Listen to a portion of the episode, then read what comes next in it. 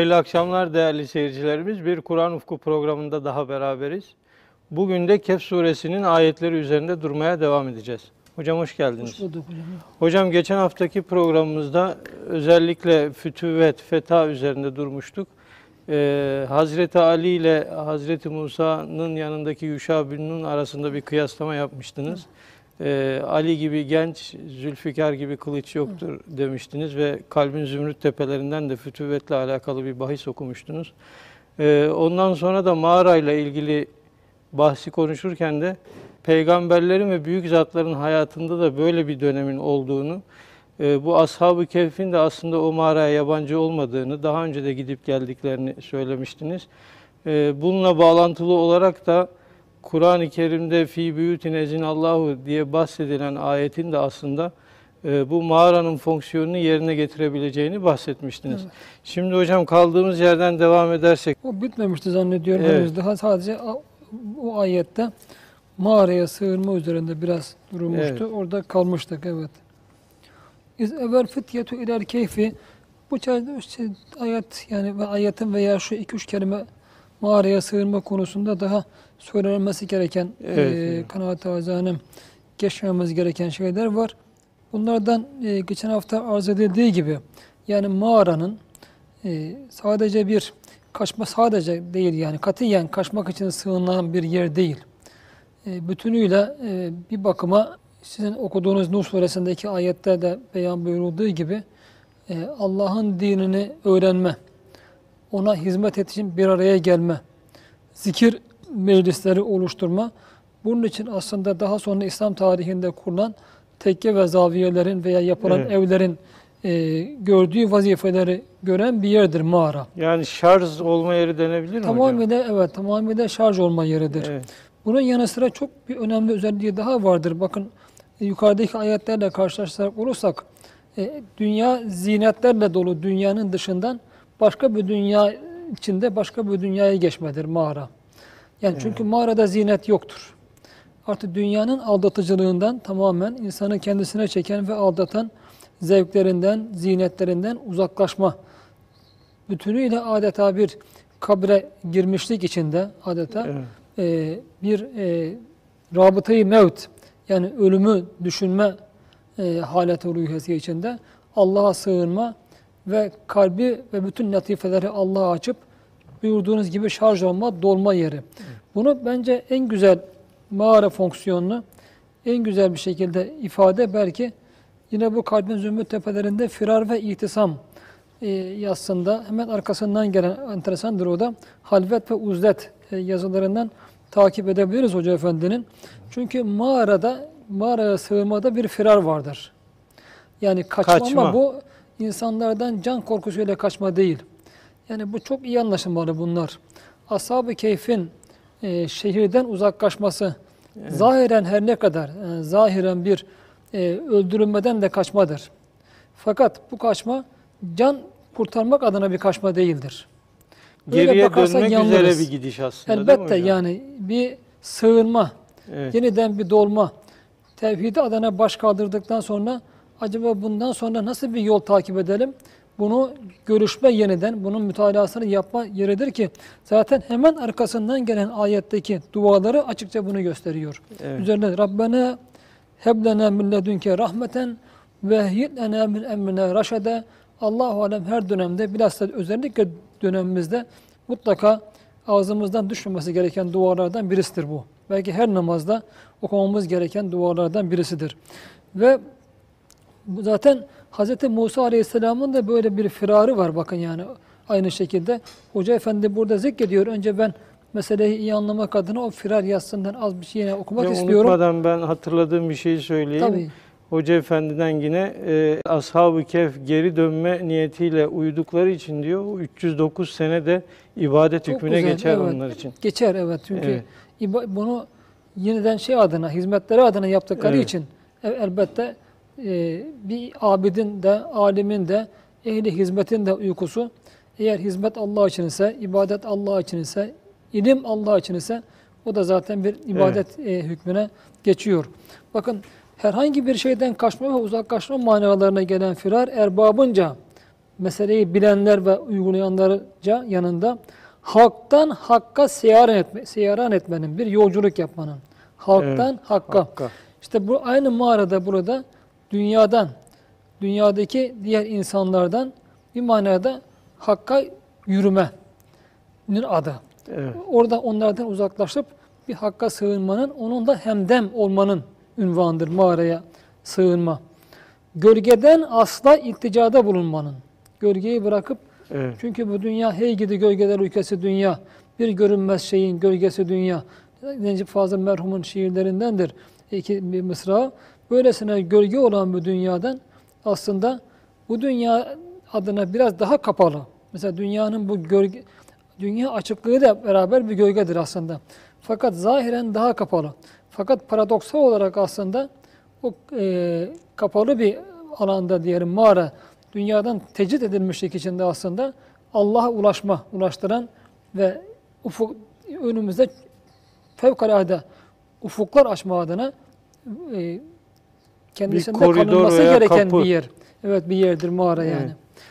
Gölgeden asla irticada bulunmanın, damlayı bırakıp deryaya yönelmenin, zerreden vazgeçip güneşe teveccühün ve benlikten sıyrılıp vücudu hak şuaları içinde, Allah'ın varlığının şuaları içinde eritmenin, vücudu hak şuaları içinde eritmenin ünvanı olmuştur ki, insanın seyri kalbi ve seyri ruhani disine işaret eden fefirruhu ilallah, kaçıp Allah'a sığınınız mealindeki ayette irtibatlandırmak mümkündür. Burada şunu e, arz etmek istiyorum antiparantez.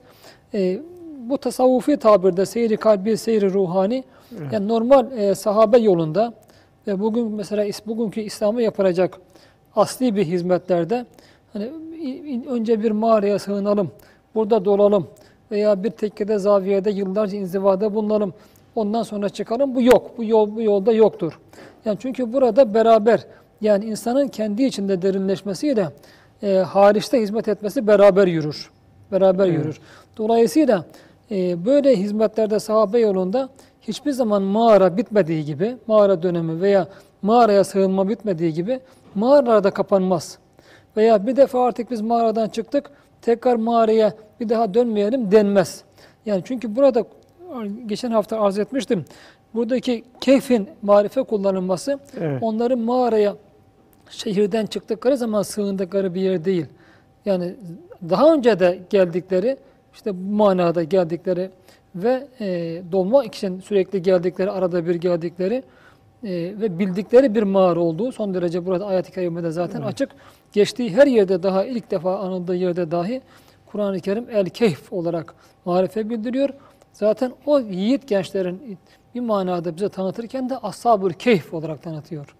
Demek ki onların o hizmetleri ve o anda ortaya koydukları, tevhid adına ortaya koydukları performansla ve mağaranın çok önemli bir yeri var ki Cenab-ı Allah onları o isimle adlandırıyor. Bunu Evet. sadece orada kalmaları açısından ele almamamız lazım.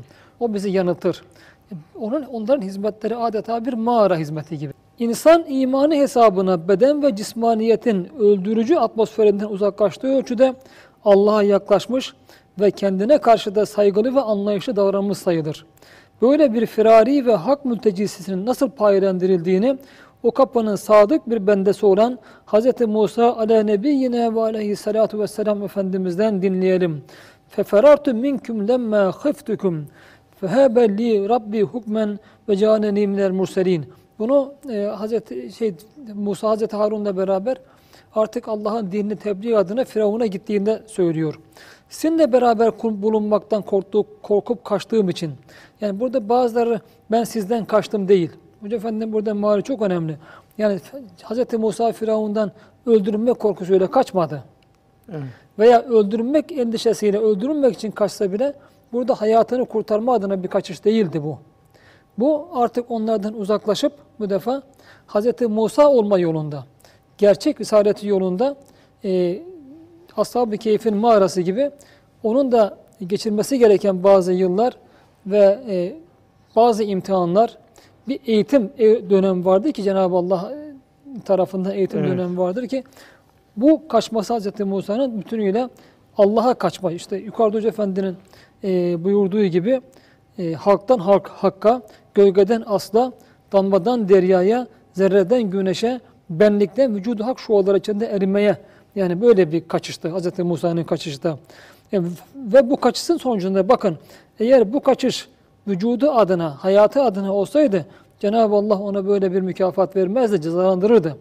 Tam tersine burada tamamen Allah adına bir uzaklaşma olduğu için bakın ne diyor? Bunun neticesinde, benim bu kaçmamın neticesinde Veyahut da kaçmam sebebiyle fe burada iki manaya da gelir. Evet. Hem takibiyi hem sebebiyi ifade eder Arapçada.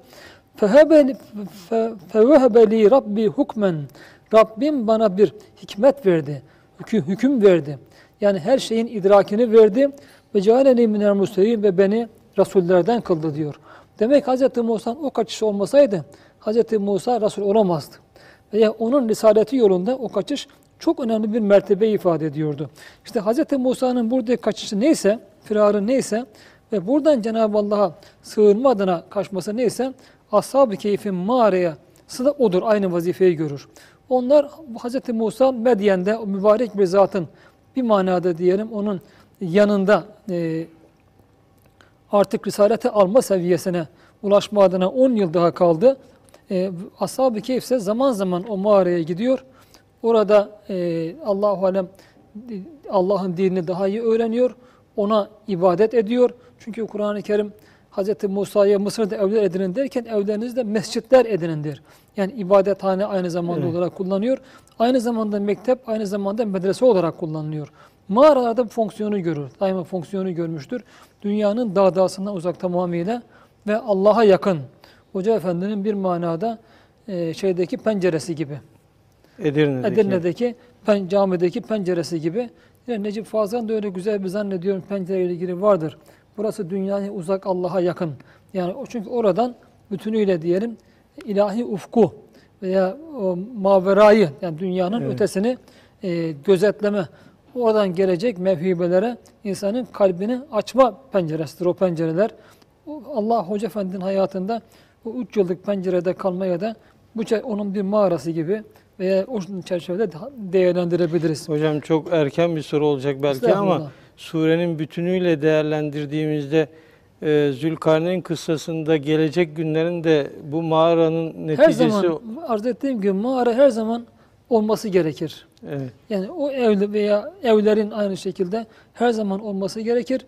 Burası e, güzel söylediniz. Mesela hayatın e, içinde deşarj olunduktan sonra evet. her zaman sığılması gereken yerlerdir. Çünkü Kur'an-ı Kerim o Nur suresinde evlerden bahsederken orada ricalün, orada bir takım kahramanlar var Allah'ın nuruna talip. Onları buyuruyor. Ticaretleri ve beyleri yani normal ticaretleri ve günlük alışverişleri veya günlük meşgaleleri Allah'ın zikrinden ve e, namazdan alıkoyamaz Alıkoyamaz. diyor.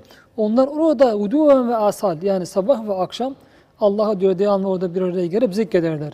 Demek ki e, o mağaradan güne dışarı çıkıp günlük hayata başladıktan sonra oradaki şarj e, kullanılıp insan hayatta deşarj oluyor orada aldığını. Evet. Sonra yeniden şarj için akşam yeniden o mağaraya sığınmak gerekiyor. Yani bunlar son derece mühim. Bir mümin hayatı adına, özellikle hizmet adına eden insanlar için bunlar son derece mühim şeyler. Ve ona göre de davranmak gerekiyor. Çünkü ashab-ı keyif olma veya fütüvvet ehli olma ancak böyle kazanılabilir ve böyle korunabilir. Yoksa e, o, o mağaralar her zaman sığınılıp veya evler sabah akşam oralarda beslenme yerleri olarak kullanılmazsa bu defa e, tamamen boşalmış piller gibi e, hiçbir işe yaramaz insanlar. Evet. Aslında hocam tabii o şarj olmanın yolu da biraz e, ibadetlerden geçiyorsa gençlik aslında en büyük fırsat bunun için. Yani. Evet yani çok bunu iyi hatırlattınız. Hatırımda vardı ben Evet. unutuyorum e, söylemek için. Çünkü gençlik bugün maalesef maat teessüf toplumumuzda eğlenme zamanı olarak anlatılıyor. Evet. Son derece yanlış. Gençlik insanın idealist dönemidir. İdeal, ideallerle coştuğu bir dönemdir. Fakat maalesef bugünkü gençliğimiz her tür ideallerden çok uzak. 80 yıl öncesi Türkiye'de gençler hani bir ideolojiler vardı.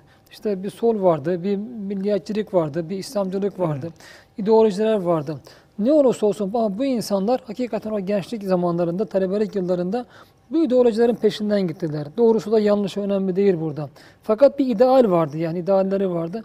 Fakat daha sonra maat teessüf özellikle günümüz gençliği eğer e, işte bazı evlerde veya cemaatlerde bazı yerlerde böyle bir idare yönlendirilmiyorsa maalesef toplumumuzda ve genel manada kültürümüzde gençlik hep eğlenme zamanı. Oysa gençlik dönemi insanın okuma zamanıdır da. Bütün zihni fakültelerin, melekelerin en cevher olduğu zamandır.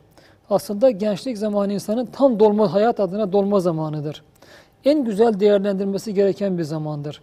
Belki yaşlılar kadar, hani yaşlık döneminde insan gençlik döneminde yaptığı ibadeti yapamaz. Evet. Abdullah bin Amr Hazretleri Efendimiz sallallahu aleyhi ve selleme ben, ben diyor ne, ne kadar zamanda bir oruçtayım? İşte pazartesi, perşembe tut veya ayda üç gün tut. Yani ayın 14, 15, 16 veya 13, 14, 15 e, hicri takvime göre Evet. e, öyle tut. Daha fazlasını daha fazlasını tutarım. Bu defa e, Efendimiz en sonunda iki günde bir tut. Yani keşke diyor ben bunu o zaman benimsemeseydim bir ibadet tarzı olarak diyor. Keşke Efendimizin dediği gibi ayda üç, üç gün veya pazartesi, perşembe kabul etseydim. Niye? Çünkü yaşlılığında artık buna Devam devam etmek çok zor geliyor kendisine. Evet. Çünkü insan böyle farz ibadetler kendisine farz değilken nafileleri bu şekilde alışkanlık olarak artık yapmaya başlarsa o bir nezir gibi olur. Onlardan geri dönülmez. Şimdi, dolayısıyla e, insan gençken dayandığı ibadetlerde ihtiyarlıkken aynısını yapamaz. Bir de öğrenme zamanı, yetişme zamanıdır gençlik zamanı. Ve ibn Sina gibi yani çağımızın çok önemli, e, çağımızın değil, çağ, bütün çağların Evet. çok önemli insanlarından birisidir. Yet Tuğla sahibidir ibn Sina. Yani çok önemli bir, büyük bir filozoftur. Evet, Erkanun fit tıp ve E- Eşşifa adlı eserleri e, fasırasız 6 asır bütün Doğu ve Batı'da üniversitelerde, tıp fakültelerinde okutulmuştur. Geçen gün bir profesör, ismini hatırlayamadım bayan, bir kanalda kendisinden stajla bahsediyordu hakikaten yani. Orada ve tıp adına o gün söyledikleri bugün hala geçerli olarak kendisini korumaktadır pek çok noktada. Ve 300 tane hastalığı nabızdan teşhis eden bir insandır. Bugün bunu yapılamıyor. Nabızdan 300 hastalık. Demek ki nabzın atışında öylesine bir kulak var ki kendisinde şimdiki gibi stetoskoplar falan da yok. Yani dinleme aletleri de yok. Fakat elini tutuyor. O nabzın atışından 300 tane hastalığı teşhis eden bir insan. Ve şöyle der. Ben ne öğrendimse 18 yaşıma kadar öğrendim. 18 yaşımdan sonra tecrübe ettim der. Demek ki artık bir manada 18 yaşına kadar tahsilini tamamlamış. 18'den sonra tecrübe etmiş. E, garip karşılamayalım. Hazreti Üstad e, İçtihat Risalesi'nde Süfyan bin Uyeyne gibi bir insan 10 yaşında iştihada başlamış diyor. Yani şimdi dönem öyle bir dönem.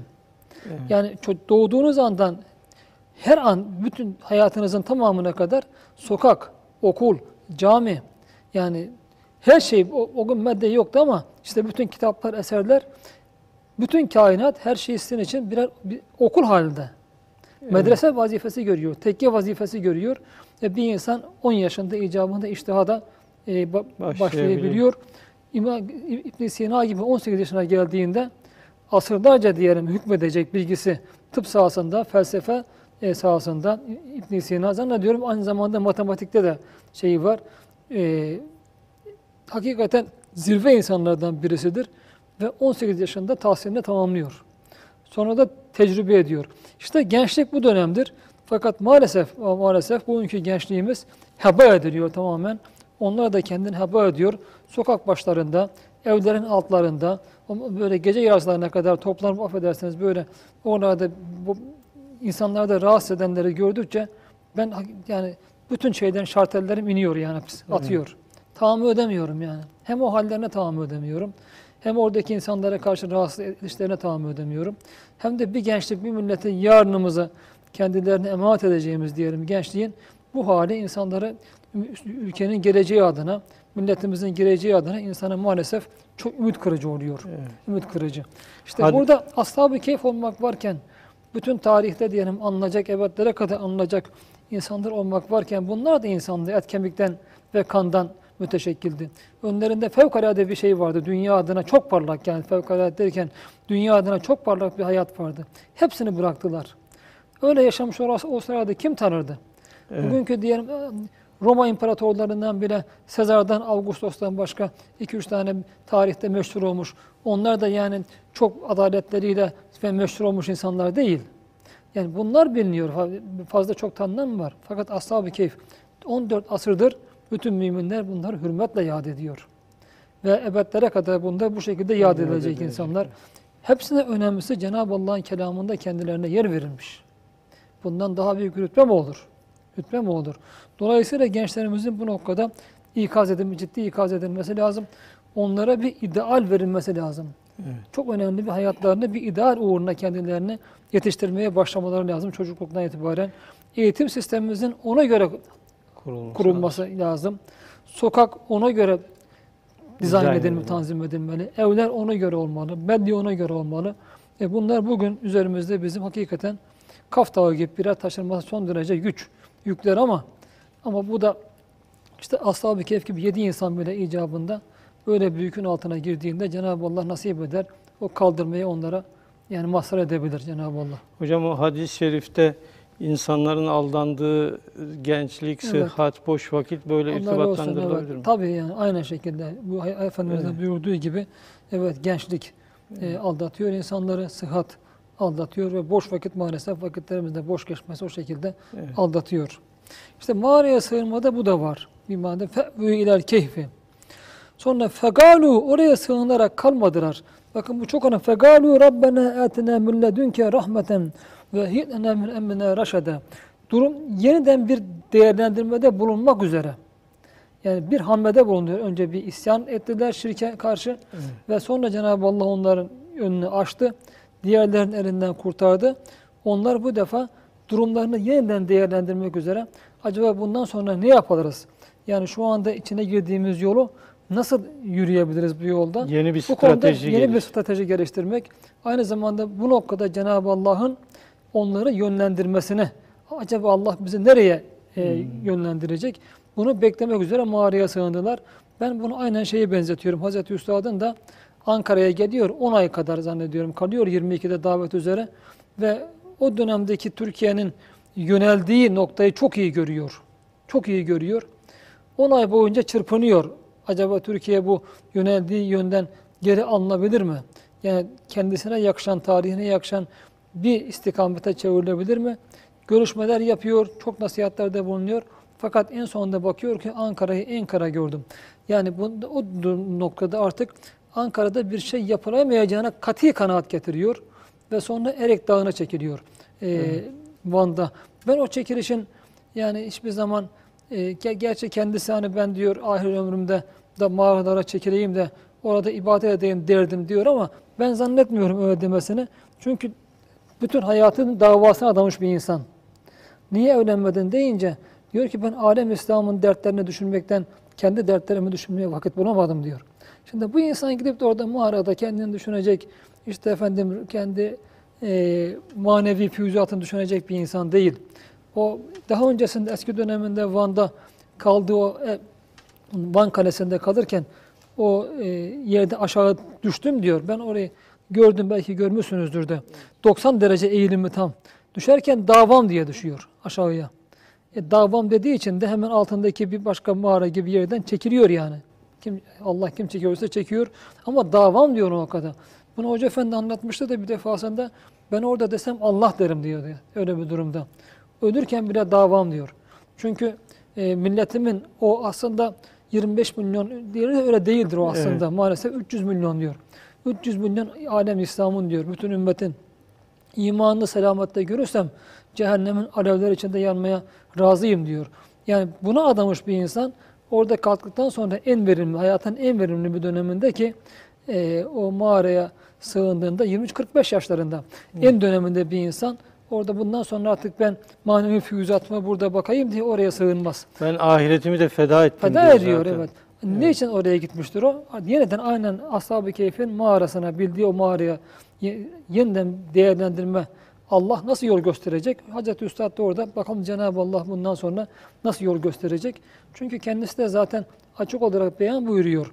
Birinci Dünya Savaşı'nın diyor başlarında bir rüyada gördüm ki hani Ağrı Dağı diyor parçalandı. Bütün parçaları dünyanın her tarafına dağıttı. Evet.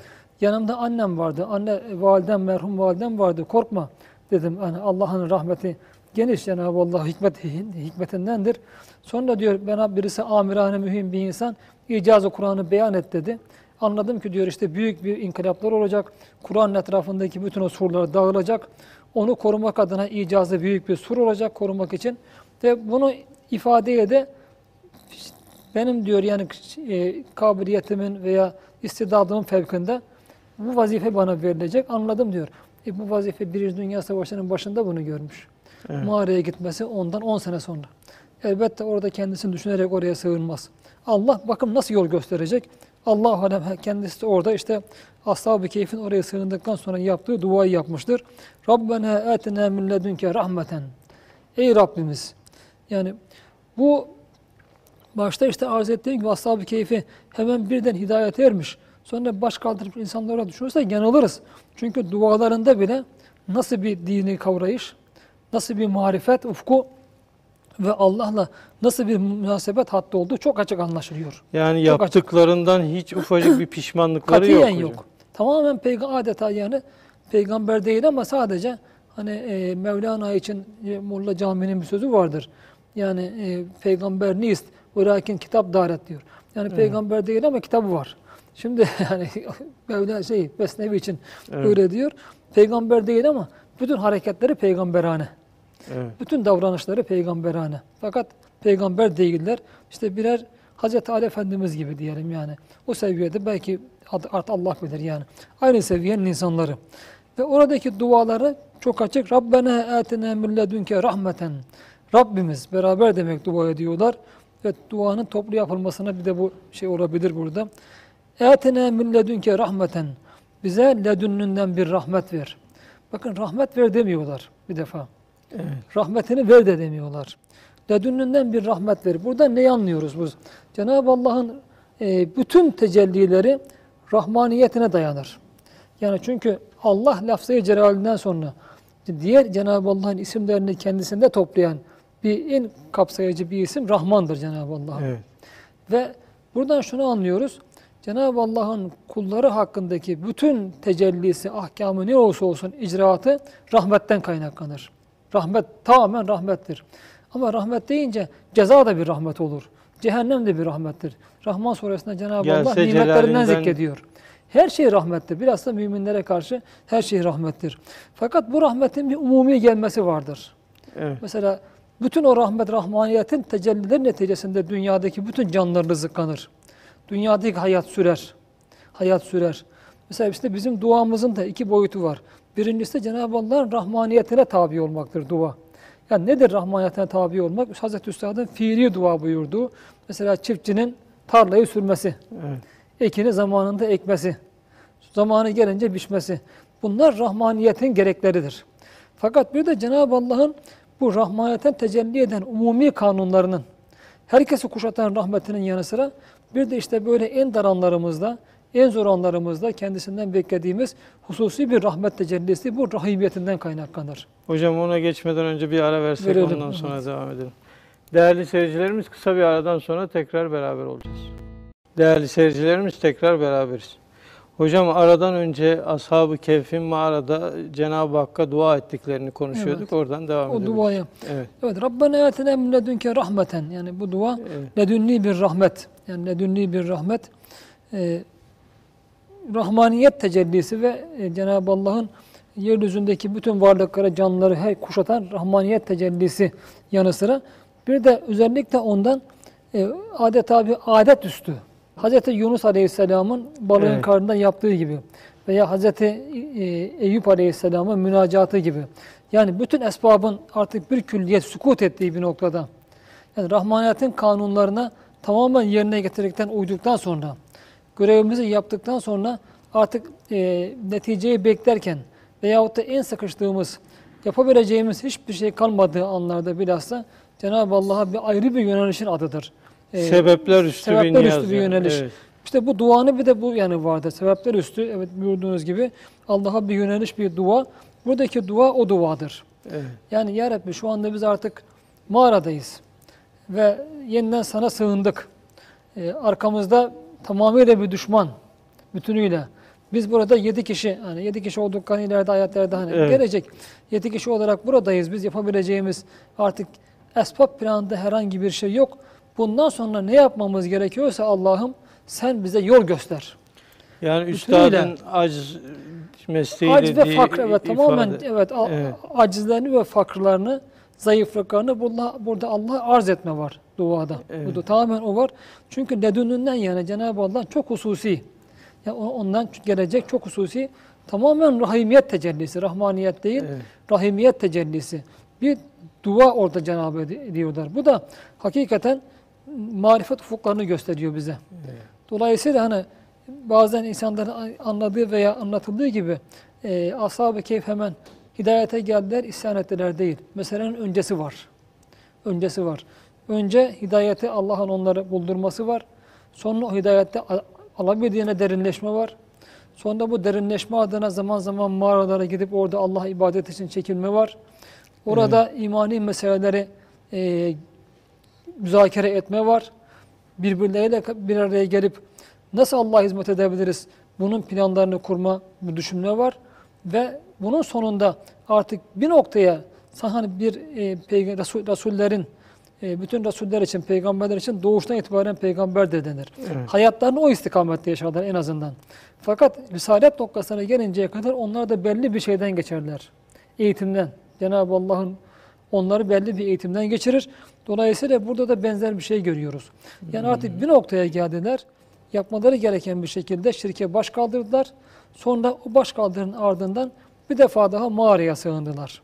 Yani evet öldürüleceklerdi. Öldürülmekten de kurtulma adına sığındılar ama bu ar- arz ettiğin gibi hayatları adına bir sığınma değil. Şehit olmayı her zaman arzu ederler. Evet. Fakat önlerinde yapmaları gereken bir hizmet var ve bu hizmet adına bu defa mağaraya sığınıp Cenab-ı Allah'tan önümüzü aç duası ya Rabbi. Yoksa hocam ölümden kaçsalar saraydaki o hayatı bırakıp mağaraya sığınmaz. Yani mağaraya girmek Ölümden zaten kaçsalar ölüm kaç- gibi bir şey. yani hayatlarını kurtarma adına kaçmazlardı. Çok rahat orada o bir terhis tezkeresi olan bir manada cennete gitme tezkeresi olan ölümü, şehadeti rahatlıkla Evet. kabul ederlerdi. Zaten o seviyede olmasalar Allah o seviyede olmayan insanlara böyle bir hizmet nasip etmez. Böyle hizmeti onlara yaptırmaz, yapamazlar zaten. Dolayısıyla burada yeniden mağaraya bir defa daha strateji adına Allah'a yönelme ve önlerini aşması adına oraya sığındığında zaten duasında bunu görüyoruz dualarında. Allah'ım bize çok hususi yani şu andaki durumumuz itibariyle ya Rabbi. İşte aciz, fakir ve arkamızda tamamen bir düşman. Ve buraya sana sığınmış bulunuyoruz. Sana bir defa daha sığınmış bulunuyoruz Allah'ım. Ne olur bize e, katından tamamen çok hususi olarak ledünnünden bize bir rahmet. Öyle bir rahmet olsun ki bu bizim önümüzü açsın.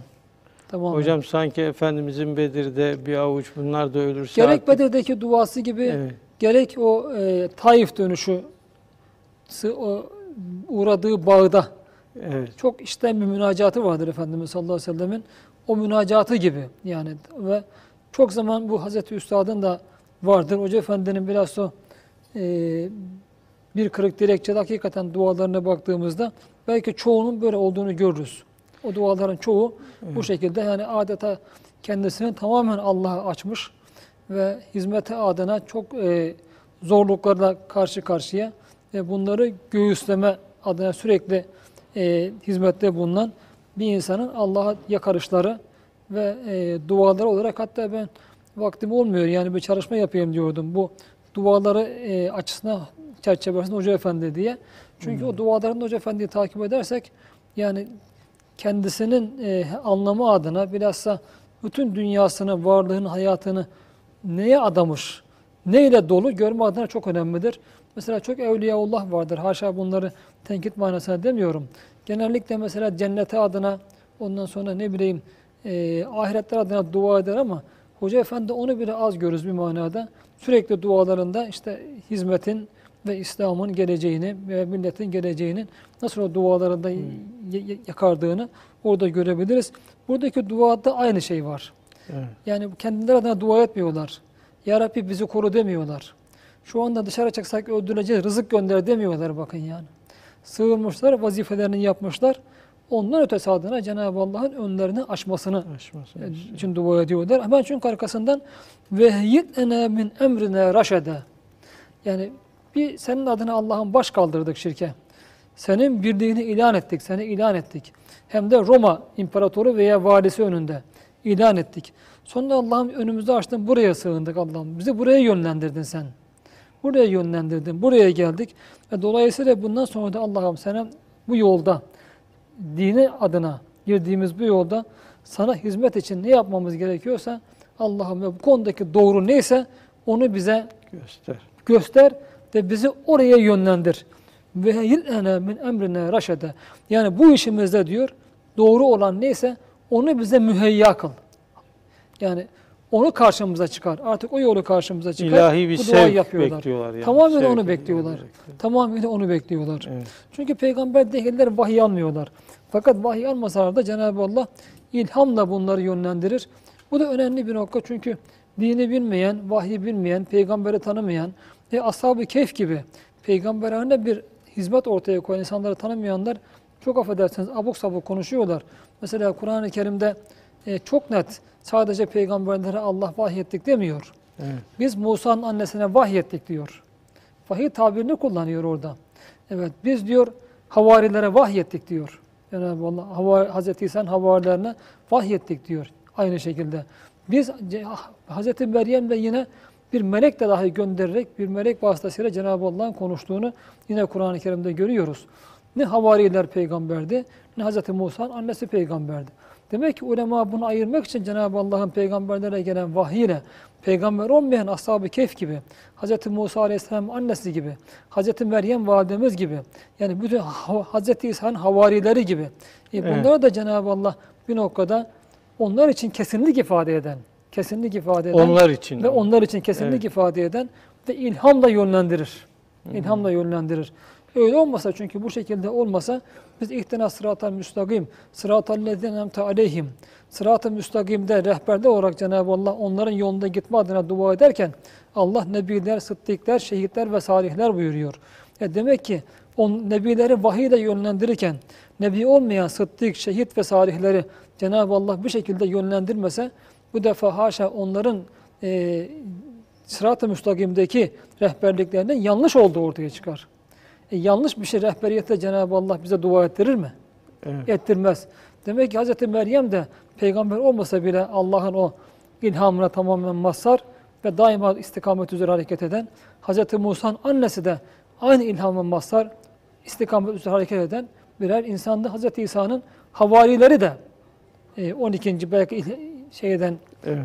daha sonra maalesef işlerinde ihaneten çıkmıştır. Onlar da en azından o havariler de Hazreti bu şekilde ilhama mazhar insanlardı. Onlar öyleyse sahabe içindeki aşere-i mübeşşere niye öyle olmasın? Hazreti Ali gibi, Hazreti Ebu Hazreti Ömer gibi insanlar niye öyle olmasın? Değil mi? Veya Evet. Cenab-ı Allah'ın daha sonra yarattığı İmam-ı İmam Gazali, İmam Rabbani, Şah-ı Geylani, Hoca Efendi, Üstad niye olmasın? Ne mani var? Mesela bunlar. Dolayısıyla zaten öyle olmasalar bu defa arz ettiğim gibi biz Fatiha'da Cenab-ı Allah'a yanlış bir dua et- et- ettirmiş olur bize. İşte burada Ashab-ı Keyfe'de Allah'ın Evet. nasıl yönlendirdiğini açıkça onların da bunun farkında olarak bunun farkında olarak dua ettiklerini burada görüyoruz.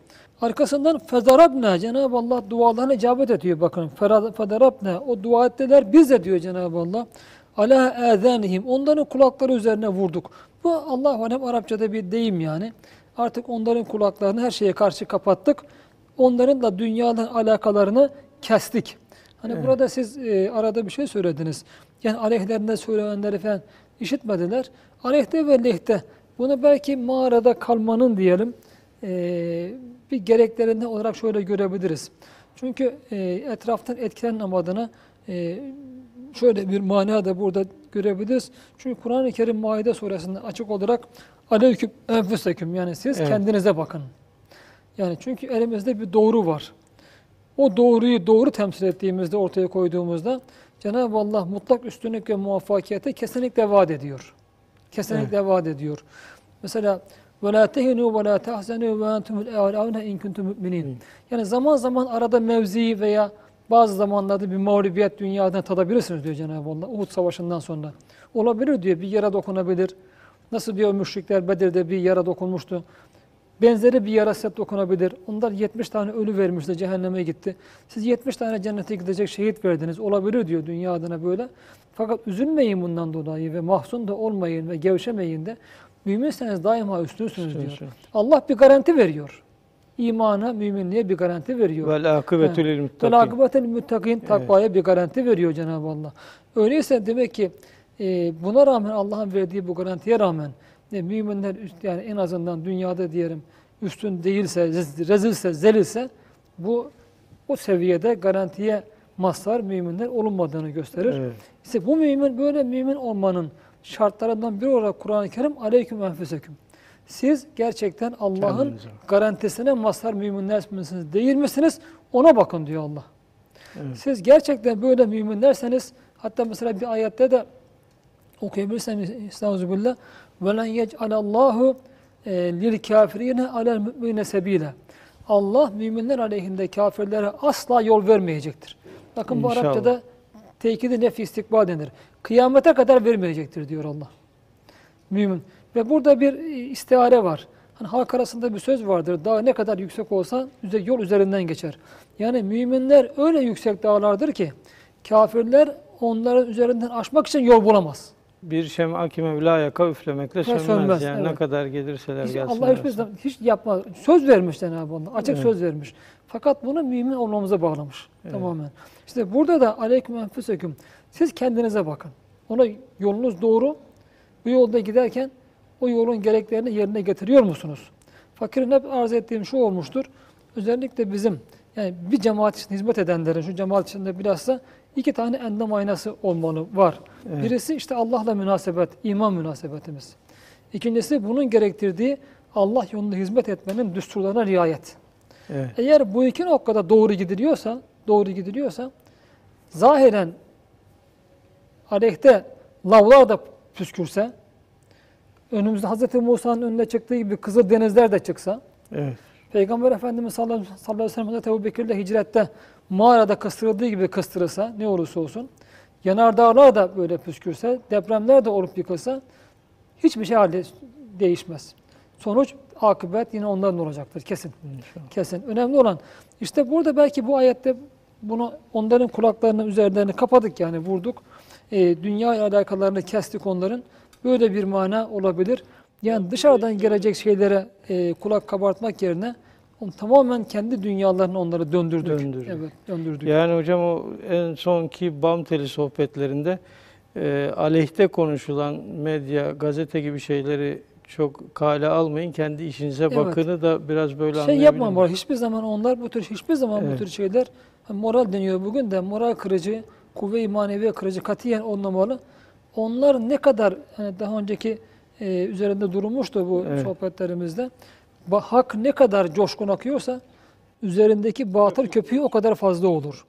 Dolayısıyla ne kadar fazla başkalarından iftira, yalan, hücum geliyorsa demek ki yapılan işler o kadar güzel demektir. O kadar doğru istikamette yapılıyor demektir. Birbiriyle orantılı olarak. Dolayısıyla onların yaptıklarına bakarak yolunuzdan şüpheye düşmeyin. Veya geri durmayın. Hizmetinizi aksatmayın. Tam tersine daha bir şevkle devam edin. Burada da bu mana yani sezilebilir kulaklarını kapama şeklinde. Çünkü e, inşallah önümüzdeki e, şeyde sohbetlerde üzerinde duracağız. Sen onları görsen diyor mağarada yatarken eykaz yani uyanık görürdün yakaza. Evet. Bu da inşallah o zaman okuruz. Yakaza yine bu kalbin zümrüt tepelerinde geçiyor. Tasavvuf yolunda insanın kendisine yetişmesi yolunda önemli mertebelerinden birisidir daima yakazada olmak.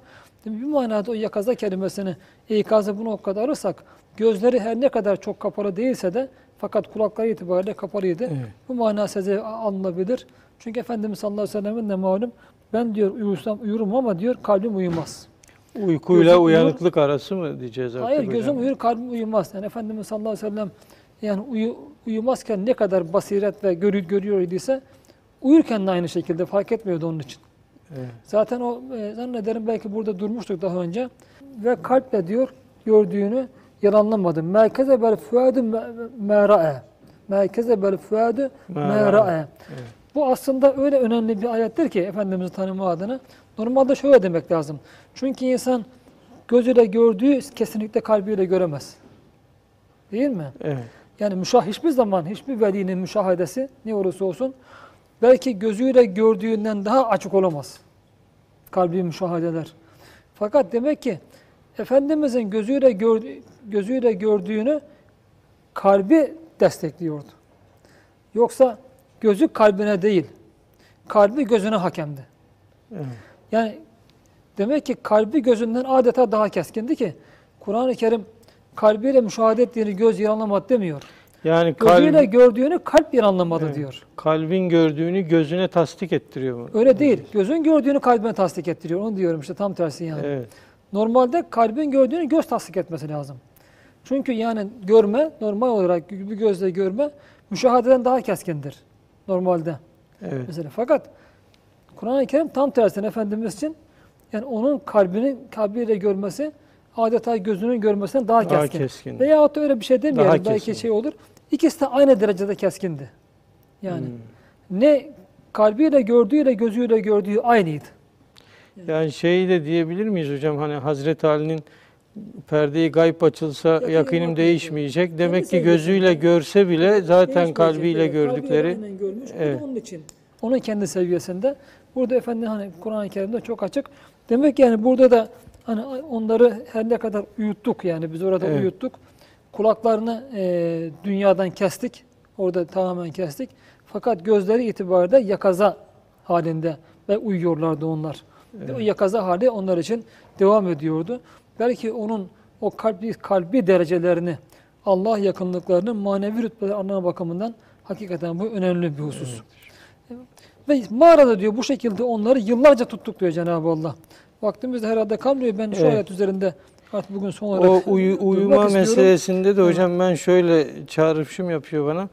Ee, hani bütün sıkıntılara rağmen üzerlerinde bir sekine var. Çok öyle rahatsız olmuyorlar. Evet üzerinde tabi durulabilir çünkü bunu Uhud savaşında evet, Evet. Cenab-ı Allah Kur'an'da beyan buyuruyor. O sahabenin en sıkıştığı bir noktada o Uhud dağına sığındıkları zaman orada Cenab-ı Allah onları bir uyku bürümüştü diyor. Evet. bir sekine halinde uyku bürümüştü. Ha- Hakikaten bazen de ben zihnimin artık e, tahammülsüz yani bazı duyduklarım, yaşadıklarım karşısında çok tahammül edemeyeceğim zaman uyumaya çalışırım. Gerçi hani Hoca Efendi hiç uyuyamaz. O şekilde uyumayı da hani çok anlatır. E, padişahın biri e, kölesinin uyuduğunu görünce Allah demiş şundaki aklı biraz da bana verse de biraz ben de uyuyabilsem. Devletin, memleketin dertleri de muzdarip. Bizim çok padişahlarımız öyleydi. Birinci Abdülhamit çok tanınan biri değildir ama Evet. Özü Kalesi düşünce bir defa kendisine gelen inmeyle şehit oldu gitti. Yani felç indi ve şehit Evet. oldu. Bırakın onu yani en fazla tenkit edilen insanlardan birisi damat Ferit Paşa'dır. Ve e, kendisi padişahı olan e, Vahdettin. Vahdettin aslında merhum Abdülhamit'ten daha az çapsız bir insan değildir. Hayatına baktığımızda Vahdettin'in Abdülhamit çapında bir insandır e, Vahdettin onun kardeşi olarak. Ve ama şeyi sevmez, damat Ferit Paşa'yı sevmez. Damat Ferit Paşa bir takım hani e, bizim kendisine bir sadrazama yakıştıramayacağımız e, huyları olan, tabiatları olan bir insandır da. Evet. Fakat Yunanlıların İzmir'i işgal ettiği habere gelince damat Ferit Paşa bayılır Anladım. ve kanser olur ondan sonra. Yani ve Osmanlı'nın en son dönemindeki belki tarihteki vezir azamları içinde en çok tenkide mazhar, te, mazhar demeyeyim yanlış bir kelime, en çok, en çok tenkide maruz kalmış Maruz bir kal- sadrazamında da bile böyle bir memleket sevdası, düşüncesi ve sorumluluk duygusu vardı. Bugün ben ki bugün hani dünya halifeliği, İslam dünyası halife iddia edenler acaba diyelim Türkiye'nin maruz kaldıkları karşısında kalpleri ne kadar titriyor? Herkes kendisini burada sorguya çekebilir, sigaya çekebilir. O Evet. Damat Ferit Paşa işte İzmir'in işgalini duyunca kendisi bayılıyor o anda, düşüp bayılıyor. Ondan sonra kanser gelişiyor kendisinde. Vefatı da öyledir yani. Şimdi bu belki onların ortaya koydukları bu performansa fevkalade e, hizmet e, hizmete Cenab-ı Allah bir bakıma onları orada uyutarak tabii üzerlerine bir sekine ve rahatlama Evet. onlara indirmiş olabilir. Bunun üzerine inşallah duracağız. İnşallah. Çünkü zannediyorum başta da Suriye'ye başlarken herhalde temas edilmişti. Yani e, onların oradaki uyumalarına Cenab-ı Allah davalarının gerçekleşmesinde bir bakıma onların adeta uyumalarına sebep gibi arz ediyor, burada naklediyor.